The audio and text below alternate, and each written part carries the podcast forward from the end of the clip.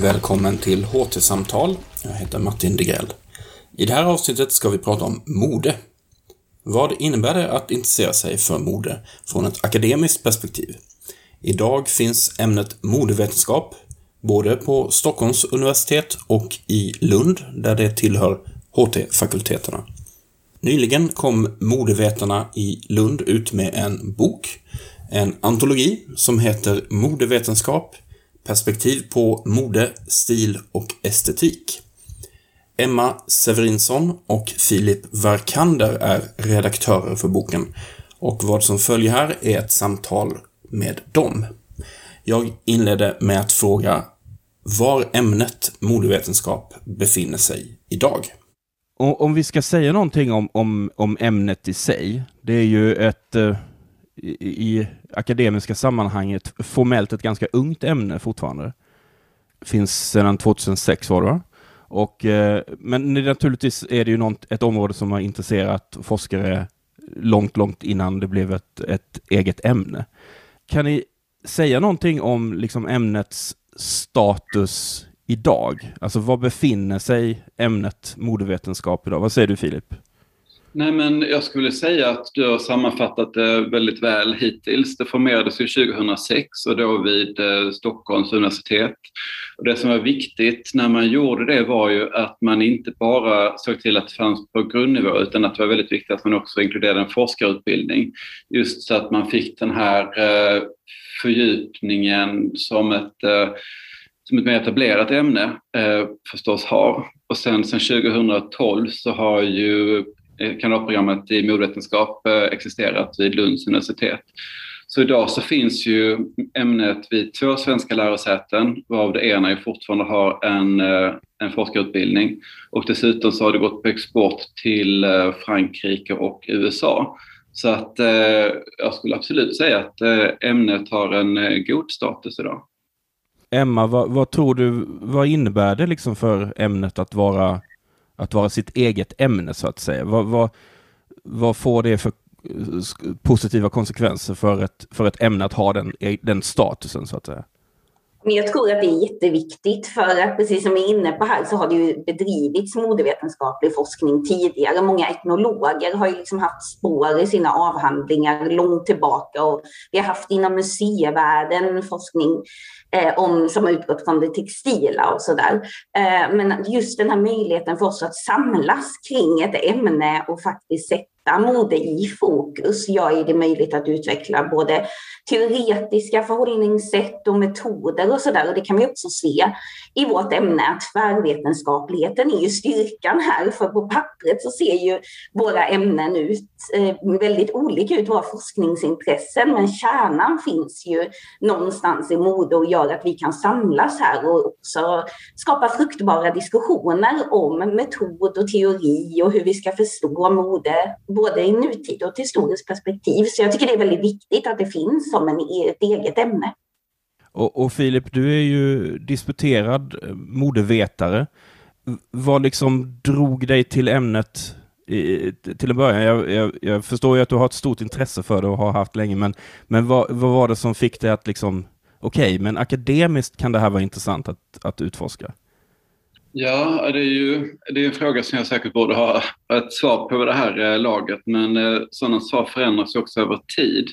Um, när jag tog min magister i etnologi så var det för att jag hade ett intresse för mänskligt beteende och hur människor någonstans organiserar sina liv för att någonstans bringa ordning eller reda eller skapa mening av, eh, av tillvaron. Och jag var intresserad av hur det gick till. Och i det där väldigt traditionella etnologiska perspektivet var jag särskilt intresserad av mode eftersom mode ju har en så som särställning kan man säga i vardagen i och med att eh, mode i form av kläder både är någonting extremt eh, personligt, nästan intimt. Det är ju det är den ägodel som vi bär närmast våra kroppar som plockar upp eh, hur vi doftar, hur vi rör på oss och liknande.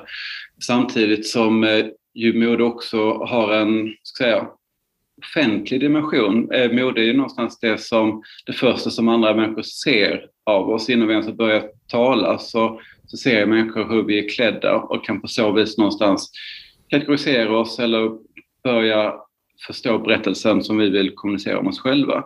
Så det var väl det som jag var intresserad av och eh, det hade jag ju säkert kunnat titta på också inom ramen för etnologi, alltså inom ramen för ett befintligt ämne.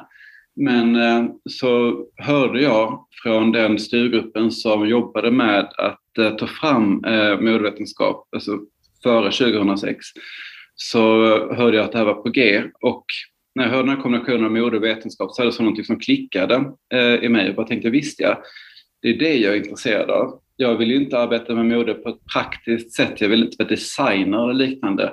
Utan jag var just intresserad av kopplingarna snarare då till till filosofi och till sociologi och liknande. Hur man kan förstå och tolka mode som ett kulturellt fenomen. På vilket sätt tycker du att din inställning till mode eller ja, branschen eller hantverket har, har, förändrats under de här åren som du har hållit på med det akademiskt, tycker du? Jag tror att det är som för de flesta som håller på med någonting under lång tid, att för ofta så är man intresserad av någonting för att man vill veta mer om för att man inte förstår. Det är någonting som lockar en, som det finns fler frågor än svar, eller vad jag ska säga.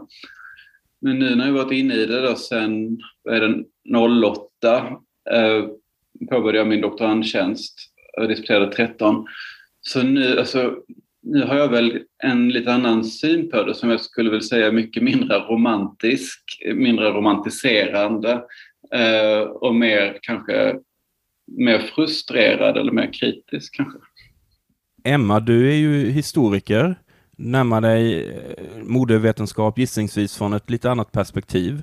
Hur, hur, eh, hur kom du in i, i, i, i de sammanhangen akademiskt, liksom med mode och så vidare?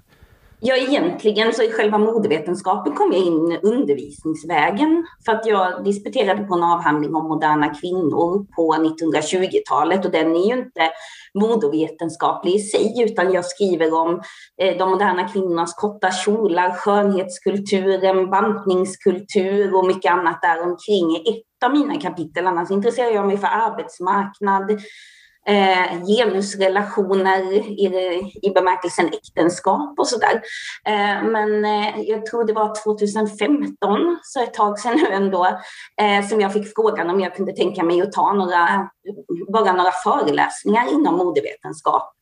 Eh, så att min, liksom, då blev jag ju jätteglad för att eh, jag tyckte att ämnet var spännande. Jag har ju också ett liksom, stort modeintresse och liksom ett privat intresse tidigare. Eh, så att egentligen så har jag både byggt upp min kunskapsbank mycket större genom undervisningen och kommit in den vägen i modevetenskapen. Sen fick jag mer och mer undervisning eh, och började också rikta min forskning då efter jag disputerade 2018, så inte så länge sedan ändå eh, mot modehållet och har liksom hittat mina senare projekt med mode som kärna. Så att jag har ju lite annan ingång än Filip i hur jag hamnade i modevetenskap. Man kan säga att det är lite slumpmässigt, men samtidigt kanske jag ändå hade dragit mig ditåt oavsett för att mina forskningsintressen finns ju någonstans kring mode, kropp, ja. Så jag tror att jag hade dragit mig dit men kanske inte hamnat som lektor på modevetenskap direkt det är ju som sagt ett ungt ämne och det är väldigt liksom mycket eh, av naturliga skäl eh, ämnes eh, så gränsöverskridande på olika sätt. Det ser man ju inte minst i den här boken. Men allt eftersom modevetenskap etablerar sig som en egen disciplin kommer vi komma till en punkt då vi ger ut liksom nästa bok om 10 år eller 20 år. Kommer det att vara fler så att säga renodlade eh, inom citattecken eh, modevetare då? Eh, kommer det att ha är ämnet i sig så pass eh, ämnesöverskridande så att man kommer alltid att ha någon socialantropolog, någon historiker, någon etnolog? Eller, eller kommer det att finnas en liksom, tydlig egen akademisk bas? Kanske lite rörig fråga, men... Nej, ja, det, det är inte alls en rörig fråga, utan den frågan tänker jag är central i, i ämnet och det ser man också i antologin. För att här, precis som du är inne på nu så kommer det säkert komma en antologi efter den här. Och den här, och den här antologin bygger i sin tur på antologier som kommit tidigare. Om man går tillbaka i tiden och tittar på de som kommit tidigare eh, så kan man ju se att, att de just speglar den där bredden som du är inne på, att det finns forskare från olika håll från olika ämnestillhörigheter som, som samlas för att de är intresserade av det här. Och så tror jag att det kommer att fortsätta vara. Jag tror inte att det kommer att stängas dörrar till historia eller socialantropologi eller service management eller vad det nu skulle kunna vara, utan jag tror att de kanalerna kommer fortsätta vara öppna. Och det kommer nog alltid finnas en otydlighet kring modvetenskapens gränsdragning av den anledningen, just för att den är så tvärvetenskaplig. Och jag, för att annars så tänker jag att man hade kunnat börja se det nu vid det här laget när det ändå är fler än tio disputerade. Det är någonstans en kritisk massa, tänker jag. Men eh, jag tror att ämnet som sådant, i och med att det engagerar forskare som har så vitt skilda ämnestillhörigheter, så kommer det fortsätta se ut på det sättet. Som ett rätt så spretigt bygge. Vad säger du, Emma? Ja, men jag håller med Filip om det. Eh, det är klart att vi i framtiden hoppas på att få någon forskarutbildning och utveckla ämnet och etablera oss mer som ämne i Lund. Då. Men jag tror också att stänga dörrarna hade varit något väldigt negativt för ämnet. Att istället bjuda in och det är många som vi kan se i den här antologin som går in och ut ur modevetenskaplig forskning som Henrik Bagerius till exempel som här skriver om korsetter och har skrivit också en bok som heter Korsettkriget som har fått väldigt mycket uppmärksamhet. Eh, han är ju liksom inte i sig modehistoriker utan har skrivit om andra saker tidigare, har nu gjort en väldigt värdefull bok både för undervisningen och som bidrag modehistoriskt. Eh, och om man då hade känt att nej, det är bara modevetare som får syssla med det här även i framtiden så hade det ju eh, varit väldigt tråkigt och det är ju bara Henrik Bagerius text är ju bara en av flera sådana där man kanske inte definierar sig som modevetare eller modehistoriker men ändå kommer in i fältet och lämnar ett bidrag. Så att jag tror att för att eftersom tvärvetenskapligheten är själva kärnan så tror jag att vi vinner på att ha ganska öppna gränser även om vi i den här antologin på något sätt försöker hitta en kärna. Liksom. Sen är det upp till läsarna då att se om vi har lyckats med att visa vad den här kärnan är. Mm. Men eh, låt oss komma in på boken då. Det, den heter ju Modevetenskap, perspektiv på mode, stil och estetik. Det är ju en antologi som vi har sagt. Eh, ska man se den som någon sorts eh, eh, statement om så här, här befinner vi oss just nu i modevetenskap i Sverige? Eh, eller eh, hur ska, man, hur, ska man, hur ska man närma sig den här boken? Ja, men precis så ska man göra Martin. Eh, detta är ett statement om att här befinner vi oss i modevetenskap i Sverige. Exakt. Eh, för då har vi ju eh, väldigt mycket olika eh, forskare från en massa olika ämnen. Och det märker man ju också just det, det är väldigt spännande att se den här bredden och, och, och inte bara då ehm, ämnen och perspektiv utan även naturligtvis alltså metod och teknik och sådana här saker och teori och hur man tar sig an ämnet. Den är uppdelad i tre delar. Kan ni, kan ni säga något om de tre delarna? Det har, vi har modevetenskapens historiska perspektiv och så har vi mode, marknad och marknadsföring. Och sen mode som industri, arbetsplats och produkt. Ja, ska jag börja med det historiska perspektivet så kan du ta vid sen Filip, för att vi har ju delat upp, vi har ju varit redaktörer tillsammans såklart och läst alla texter och så, men vi har ju också våra olika kompetensområden här, vad vi har liksom varit extra ansvariga för i boken. Eh, och när det gäller det historiska perspektivet eh, så ser vi ju hur det liksom både spänner över olika tidsperioder, olika ingångar. Eh, det som vi kanske kan se förena här är att man har valt att gå in i till exempel hatten, korsetten, hovdräkt och sådär. Man väljer liksom plagget i fokus för att säga någonting större. Och sen ska vi väl också säga att den här antologin kom ju någonstans av en frustration från oss själva, så att den ska också vara ett bidrag som vi kan använda i undervisningen och avspeglar också vad vi behöver kurslitteratur någonstans. Och det, de historiska kurserna är ju också ett sånt. Eh, men vi kan ju också se hur Pernilla Rasmussen till exempel, som skriver om hovdräkt, kommer från textilvetenskapen, har det här mer materiella perspektivet. Vi har Emma Hillborn som kollar på kron ihop liksom utifrån bantningskulturer och bantningens feminisering.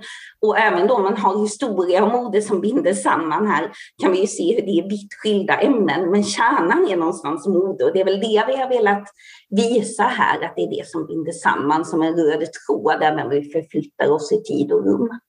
Ja, precis. För att eh, jag hör på din fråga Martin att du också är medveten om att vi hade kunnat välja andra sätt att kategorisera boken eller dela upp den. Eh, Emma var lite inne på det här med att eh, vissa skribenter har eh, förflutet inom eh, textilvetenskap. Vi hade kunnat titta på relationen mellan det textila och mode som ett symboliskt värde. Vi hade kunnat titta på den här rätt klassiska modellen produktion, kommunikation, konsumtion, återbruk möjligtvis då, eh, som, som ett sätt att lägga upp det på. Men det som vi tyckte var viktigt med boken just som ett bidrag eller som en typ av skildring av var modevetenskapen befinner sig just nu var just att det här är den första antologin som modevetenskapen i Lund ger ut. För att eh, forskningen har oftast varit starkare, mer betonad uppe vid Stockholms universitet och det är inte så konstigt för de har en professor på plats när man forskarutbildning och liknande. Medan vi har varit en väldigt liten utbildning. Vi har ett kandidatprogram och eh, är färre i antal. Så det har gjort att även om modvetenskapen har funnits i två lärosäten så har forskningsmässigt det varit SU som har dominerat. Och vi tyckte att det var viktigt nu att ge vårt perspektiv. Så när vi satte ihop de här tre delarna som, som du är inne på, som Emma nu har redogjort för, den första delen, så utgick vi ifrån men hur har ämnet formerats sedan det etablerades vid LU? Eh, vilka personer har varit de tongivande inom ämnet hos oss? Och vad är deras bidrag, vad är deras forskningsintressen? Så att vi utgick helt enkelt från hur modevetenskapen har sett ut inom avdelningen, vilka som har varit verksamma, vilka som är deras specialintressen, eh, deras specialkompetenser. och sen så bestämde vi ehm, antologins struktur utifrån det.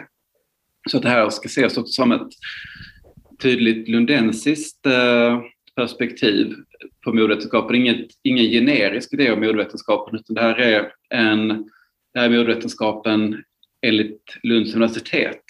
Och det är också därför som vi har de här tre delarna och det är också därför som exempelvis vi har någon som, som Hanna Wittrock som skriver som, även om hon idag är vid Borås textilhögskola, så undervisade hon, und, hon, undervisade hon under eh, flera år eh, vid modevetenskapen eh, på Campus Helsingborg.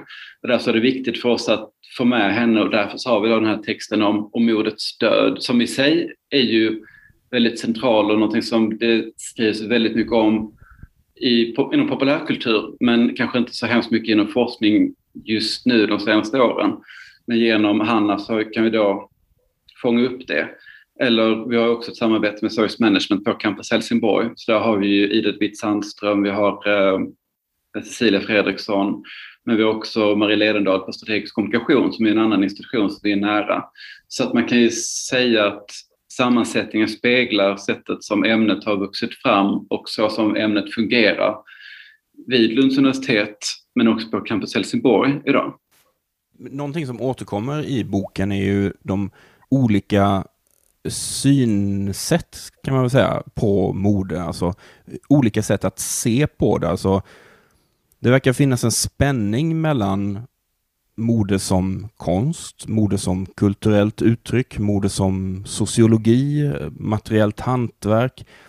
Kan ni säga något väldigt allmänt om det? För det är någonting som jag känner dyker upp eh, i, i flera av texterna och det känns som att det är, ganska, ganska centralt för mode, för all del för andra typer av kreativa uttryck, men det, det känns som att här finns det en, en intressant laddning. Ja, jag kan börja så kan Emma fylla på om man vill sen. Uh, nej, men det som du är inne på nu, det är ju någonstans det som är modevetenskapens kärna. I och med att det är ett tvärvetenskapligt ämne så utgår ju modevetenskapen inte från vad ska jag säga, en, en, en ämneshistoria utan från ett eh, objekt som vi studerar. Men grejen är att eh, eftersom eh, det här objektet studeras från så många olika vetenskapliga perspektiv så finns det ingen konsensus om ett, vad som är mest intressant med det här fenomenet eller två, ens hur det ska definieras. Och därför så finns det en pågående diskussion om vad det egentligen är som konstituerar mode eller hur mode ska definieras.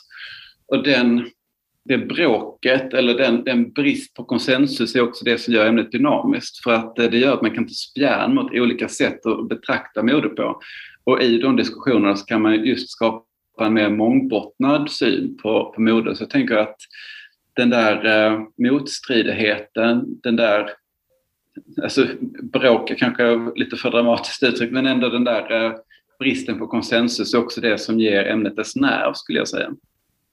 Ja, jag kan väl bara lägga till där, det, var ju, det är väl det som är kärnan i det här som Filip säger. Eh, men den kan ju upplevas då boken som spretig när man kommer in i ämnet och kanske inte har förkunskaper och sådär. Och vi hade ju kunnat sätta ihop att bara ha olika plagg till exempel som navet i det här och göra en bok utifrån det eller välja perspektiv och bjuda in liksom bara de som jobbar med mer samtida mode eller sådär. Eh, men genom att visa på den här bredden och som du också har identifierat Martin, den här mängden olika sätt att förhålla sig till mode så vi det ju trots allt på vad modevetenskapen är just nu då vid Lunds universitet. Eh, och det är väl också det som präglar vår undervisning eh, med de här samarbetena vi har, till exempel med service management eller vi tar in olika historiker och så där. Att det liksom visar på den här bredden. Det är också ofta det som våra studenter eh, också uppskattar, att vi kan ha den här bredden, man kan ha många ingångar till mode och som också knyter oss som forskare tillsammans.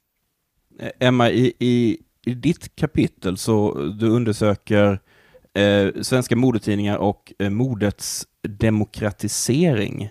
Kan du utveckla vad, vad, vad som menas med det?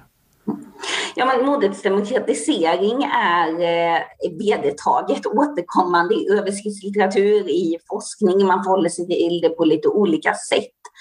Eh, dels så finns det en eh, historisk, alltså som används som en historisk förklaring att modet började demokratiseras någon gång på 1800-talet, ännu mer när konfektionsindustrin erbjöd billigare varor in på 1900-talet och som liksom har exploderat med fast fashion idag. Så det är ett förhållningssätt till modets demokratisering. Sen är det de som menar på att bara spridandet av mode genom modetidningar till exempel är en modets demokratisering, att kunna betrakta och ta del av mode, skaffa sig kunskap om det. Eh, och sen kan man ju då titta på det i den här kanske skärningspunkten som jag har gjort. Så vilka bjuds in till att diskutera mode? Vilka får ta del av det genom modetidningar? Eh, och då har jag gjort nedslag under eh, olika tidsperioder, 30-talet, 50-talet, 80-talet och tittat på hur det här har förändrats. Till exempel tilltalet till tonåringar när vi har en konsumtionskultur som alltmer inkluderar ungdomar. Eh, hur tilltalar man dem? Vilken tro finns på ungdomars förmåga att navigera i den här nya konfektionsindustrin som riktar sig mer och mer till dem? Eh, kan vi se det som en modets demokratisering som inkluderar fler grupper? Eller är det kanske en, som Elisabeth Wilson då säger, en pseudodemokratisering där man på ytan tror att modet är demokratiserat men alla har ju inte tillgång till allt mode och om alla skulle ha det skulle väl mode kanske urholkas också. Så det finns ju också en eh, motsättning i det här begreppet och det är väldigt svårfångat och därför intressant att undersöka. Ja, för du, du, du påpekar ju där att det ligger i, i uh, vissas intressen att, att uh, upprätthålla någon sorts status quo. Uh, att den här, det här tillgängliggörandet genom synliggörandet. Att, att jag gillar det här, eller gillar och gillar, men den här pseudodemokratiseringen, det, det är ett så eh, eh passande uttryck på något sätt. Ja, det säger ju väldigt mycket om det här, för att det är väldigt användbart för att förklara den här processen i att man bjuds in till att ta del av mode, men kan ändå, alltså klass Eh, sätter ju begränsningar för vem som faktiskt kan helt eh, ta del av modet, ofta då från Paris i de här exemplen som jag tar. Och att modets föränderlighet, föränderligheten är ju liksom själva navet i mode kan vi väl enas om. Och där att hela tiden hålla sig uppdaterad är ju också en ekonomisk fråga. Att det handlar ju om att hela tiden ha möjlighet att uppdatera garderoben och så. Eh, och det har ju inte alla. Så det är en, en form av demokratisering, eh, kanske skenbar. Eh, och det är ju någonting som behöver utredas mycket mer. Jag här hinner jag ju lite bara skrapa på ytan i det här ganska korta kapitlet. Jag gillar den här eh, observationen med tonårstilltalet eh, där på, som kom på 50-talet med eh, att visserligen riktar vi detta mot ungdomar, men det är väldigt tydligt att det är skrivet av vuxna som säger så här, app, app, app, fast liksom, bli inte för rebelliska nu, utan liksom, det är fortfarande lite uppfostrande ton. Ja, så är det ju verkligen. Och det är ju ett problem som vuxenvärlden väl alltid har haft när man vill rikta sig till ungdomar. Jag har en bakgrund i litteraturvetenskap och trodde kanske någonstans att jag skulle bli litteraturvetare om jag skulle vara kvar på universitetet. Och det är ju ett problem som också ungdomslitteratur har brottats med länge. Att hur tilltalar man ungdomar på deras eh, vis när man inte själv är ungdom längre? Och det är ju väldigt svårt att komma bort från det. Så det syns ju i de här eh, texterna riktade till tonåringar, att den här moraliska tonen, att hela tiden vi vet lite bättre vad ni behöver. De, man bjuds in till en viss gräns, att ja, ni kan få sväva ut lite grann i er klädstil, men det finns gränser och tänk på vad era föräldrar tycker och sådär. Så så det är ju ett tydligt exempel på den här begränsningen av modets demokratisering då, eller den här pseudodemokratiseringen. Och det verkar som att det, lite grann samma spår eh, återkommer när det gäller eh, synen på herrmode. Alltså just den här eh, eh, så här klär du dig som en gentleman. Men, men inte, du ska inte liksom klä dig för mycket eller liksom, du ska inte ta, tona ner det lite grann. Du får inte vara liksom för extravagant här, utan håll dig inom de ramarna som finns och sådär. Det, finns, det verkar finnas en, en ton där hela tiden av eh, någon sorts uppfordrande ton. Ja, det tycker jag är spännande också för att eh, här ser vi ju faktiskt en större tilltro till kvinnor som konsumenter. Att kvinnor förväntas ha mer kunskap om mode än män. Det har jag lite andra projekt som, där jag undersöker till exempel Svenska herrmoderådet och sådär. Eh, att här blir liksom kvinnorna de som tillskrivs makten eller aktörskapet och kunskapen medan männen kanske nedvärderas här och tänker att ja, börjar män sväva ut och lämna kostymen bakom sig så vet vi inte var vi ska hamna någonstans och då behöver de ännu mer vägledning än vad kvinnorna behöver. Även om tilltron till kvinnor ska jag säga i modetidningarna inte heller eh, alltid är så stark så har jag då identifierat i min forskning att det är, det är männen som kanske har en förmåga att frångå det respektabla om de släpps fria när det gäller färg och mönster och så. Eh, Filip, du har ju en helt annan ingång i, i, i ditt kapitel. Du tittar på modets arbete och organisation. Lite kan man säga, en titt bakom kulisserna. Du har informanter som berättar om sina, sitt yr, sina yrken inom, inom branschen. Vad, vad, eh, vad är det du vill eh, eh, undersöka i det här kapitlet?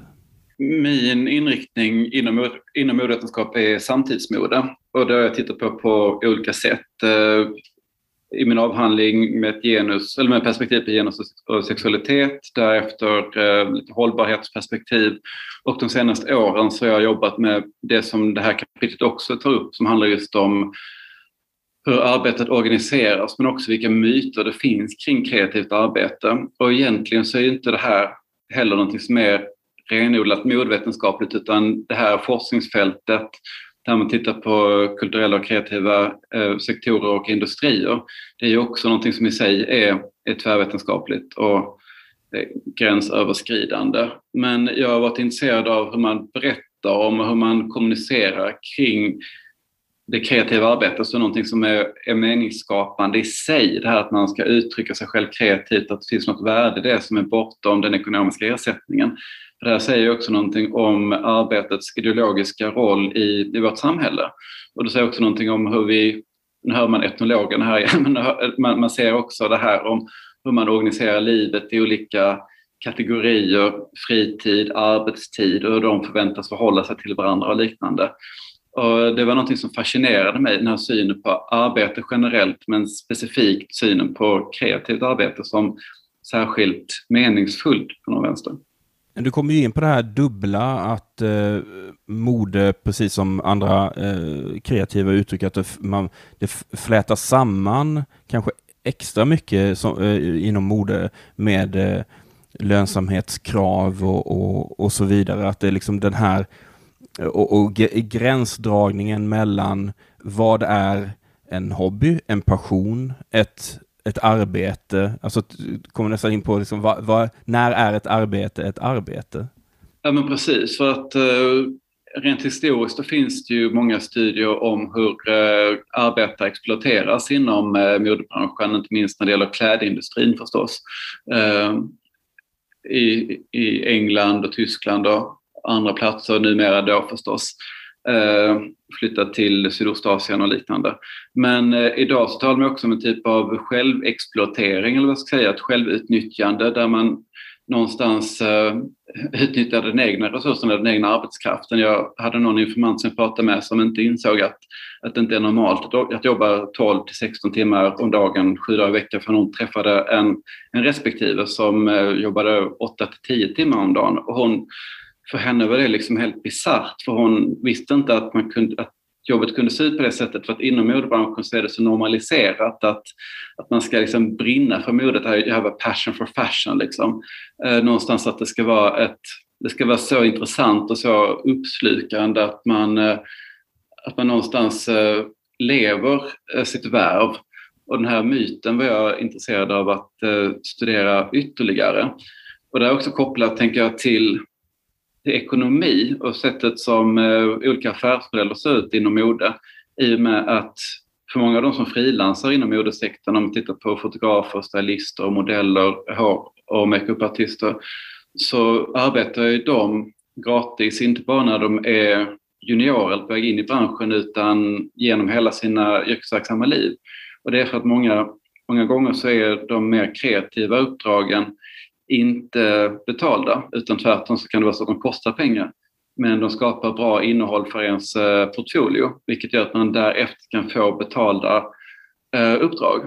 Och den här modellen, den här affärsmodellen gör ju att man inte alltid arbetar för, eh, för en ekonomisk ersättning. Och det tyckte jag också var intressant att hur ramar man in det? Vilken berättelse eh, skrivs fram om, om mode när det inte alltid är så att man jobbar för pengar. Och det är då man kommer in på de här liksom myterna kring att ett kreativt arbete är ett, en annan typ av arbete än exempelvis ett kontorsarbete eller ett fabriksarbete och liknande. Att man någonstans förväntas vara intresserad. Du sa det också inledningsvis att eh, vi säkert var intresserade av, av forskning och det är för att även om inom akademin man inte, det är inget kreativt arbete på samma sätt, men det finns en föreställning om att det är intressedrivet. Jag är faktiskt inte alls intresserad av mode privat. Eh, jag skulle knappt kunna bry mig mindre. Det här är mitt jobb. när, jag, när jag är ledig så tänker jag mycket hellre på rabarberpaj eller hur jag ska göra fläderblomssaft eller något sånt. Eh, men berättelsen om forskning är så intimt sammanflätad med det där att det är någonting som man gör för sig, för sig själv som person. Så att det finns en, en parallell i det. Och jag, är det är någonting som jag vill titta närmare på. Du beskriver den här processen med att ehm, eh, du skriver internalisera branschens exploatering av individers längtan efter att få höra till och arbeta kreativt. Du citerar även en, en annan akademiker som, som menar att det finns en ovilja att diskutera branschen utifrån begrepp som motgångar och utnyttjande, för det krockar då med den här glamorösa bilden av, av mode. Och jag antar att det kan översättas delvis också till andra typer, alltså konstvärlden eller filmvärlden eller så vidare. Tyckte du att den här spänningen kom i uttryck också hos dina informanter? Ja, många är också medvetna om den och när det gäller den där spänningen så för ni var lite inne på genusperspektiv tidigare, eh, att mode är kvinnodominerat. För att när det gäller den här exploateringen så finns det också andra perspektiv. Dels en ålders, eh, ett åldersperspektiv. Att ofta så är ju modebranschen beroende av eh, obetald arbetskraft i form av praktikanter som som håller PR-byråerna gående exempelvis genom obetald arbetskraft. Man kanske har en praktikplats på sex månader och sen så slussas man ut, sen kommer nästa hoppfulla person in. Så att den här branschen hade inte, hade inte kunnat gå runt utan, utan det åldersperspektivet jag tänker på, men det får också sägas vara ett klassperspektiv för vilka är det som kan betala oavlönat, eller som, som oavlönat i sex månader? Jo, det är oftast de som har föräldrar som i så fall under tiden kan, kan stötta. Och det innebär ju på sikt att, eh, att branschen riskerar att bli en, en medelklassbusiness eller liknande. Just för att eh, det kräver att man under så pass lång tid kan ställa upp på eh, obetalt arbete. Men samtidigt så när jag då träffade informanterna, för att gå tillbaka till din fråga, eh, och jag började någonstans skapa lite på det här med motgångar och liknande. Då fanns det ju verkligen ett uppdämt behov av att eh, diskutera det. Eh, så jag tror verkligen att den där bilden som ofta visas utåt, alltså när man lyfter upp liksom de lyckade exemplen eller best practice och liknande. Det finns också lite av en trötthet kring det. Sen gör du också en... Eh, du eh, skriver lite kort om hur alltså modebranschen, alltså industrin, branschen i Sverige har radikalt förändrats på de senaste decennierna. Produktion ligger utomlands och så vidare, i låglöneländer ofta och sådär. Och då undrar jag lite grann bara, vad, vad, vilka typer av modeyrken finns det egentligen kvar i Sverige? Ja, alltså det som har hänt är att själva klädindustrin har flyttat utomlands men mycket av modeindustrin finns fortfarande kvar. Och det är om man då skiljer mellan kläder som, eh, som det materiella och mode som det symboliska värdet som skapas eh, som ger kläderna dess aura. Och eh, det där auraskapandet finns ju fortfarande mycket i eh, Sverige och det kräver ju exempelvis PR-byråer, det kräver modemagasin. Vi ser ju här nu i slutet av sommaren så kommer Vogue Scandinavia att lanseras. Även om, rätt så intressant nog, eh, den svenska varianten av Vogue kommer inte vara en, en tidning som kanske de, de vanliga Vogue-magasinen utan man kan se att här finns också en ny idé om vad en tidning är. Svenska L exempelvis har inte gått så bra den senaste tiden. Så de får ju sina intäkter numera inte kanske via annonser utan genom att eh, knyta samman eh, sitt stall med influencers, med eh, annonsörer. Och det är så som L eh, tjänar pengar. Och Vogue kommer att dra det ytterligare längre så de kommer inte ens att sälja tidningen i butik. De kommer bara säga att tidningen finns och sen om man vill ha den så kan man höra av sig till dem så kan de skicka ett ex. Men det de annars har gjort är att de har eh, kontrakterat många av de som har störst Instagramkonton, alltså flest följare i Skandinavien och gett dem titlar eh, på, på redaktionen. Så sen kan de då sälja reklamplatser på Instagram. Så det är också en typ av utveckling av PR-byrån kan man säga, men det är också en utveckling av eh, vad ett modemagasin är för någonting. Så man kan säga att, att det finns ju kvar positioner, det finns kvar yrken, men de är under förändring på grund av digitaliseringen. Men mycket av det som är kvar i Sverige är just kopplat till eh, marknadsföring, PR, till skapandet av bilden av mode. Medan den, den stora klädindustrin rent kvantitativt eh, sker någon annanstans. Mm. Jag tänkte avrunda här men, eh, och fråga om, om nu den här boken säger någonting om var modevetenskap befinner sig just nu så är det ju alltid intressant att avslutningsvis eh, blicka lite framåt. Emma, vad tror du, vad kommer att hända här nu framöver för ämnet modevetenskap? Vilken, vilken väg kommer det att ta tror du framöver? Det är alltid svårt att säga vad någonting ska ta vägen och jag brukar alltid skylla på att jag är historiker när jag får frågan om framtiden. Men jag tycker att vi har goda förutsättningar för ämnet, att vi har väldigt många initiativ till att utveckla forskningen tillsammans, så att det finns en vilja att göra det också. Den här boken visar väl på det, eh, att vi liksom har kommit någonstans i forskningen i Lund, liksom, där vi håller på att utveckla både forskningssamarbeten och stärka den här tvärvetenskapligheten. Så att jag hoppas ju bara att verksamheten fortsätter och som sagt att vi kan etablera oss ännu mer i forskningssammanhang. Eh, som Filip var inne på så är det ju Stockholm som har dominerat forskningen och har ju sin forskarutbildning också. Men jag hoppas väl att vi ska få ännu mer chans att inte bara, eller i alla fall till största del fokusera på undervisning utan kunna fokusera mer och mer på forskning också. Och det ser vi ju också att eh, vi expanderar ju, även om det inte sker så snabbt. Vad säger du Filip? Jag ska se. Eh, ämnet etablerades 06, eh, forskarutbildningen drog igång 08, LU eh, drog igång kandidatutbildningen 12. Vi kan se att det har funnits vissa årtal som varit centrala för expansionen, eh, etablerandet av ämne, ämnet och nu så firar snart kandidatprogrammet i tio år. Jag skulle tycka att det vore dags för eh, mer kritiska och obekväma perspektiv. Fråga sig, ja men all right, eh, vart syftar det här? Eh, vart, vad ska jag säga, eh, vad har modvetenskapen åstadkommit i form av kunskapsproduktion och kan vi sätta in modevetenskapen i universitetets vidare utveckling. Jag tänker på mode, modevetenskapens relation till designhistoria exempelvis.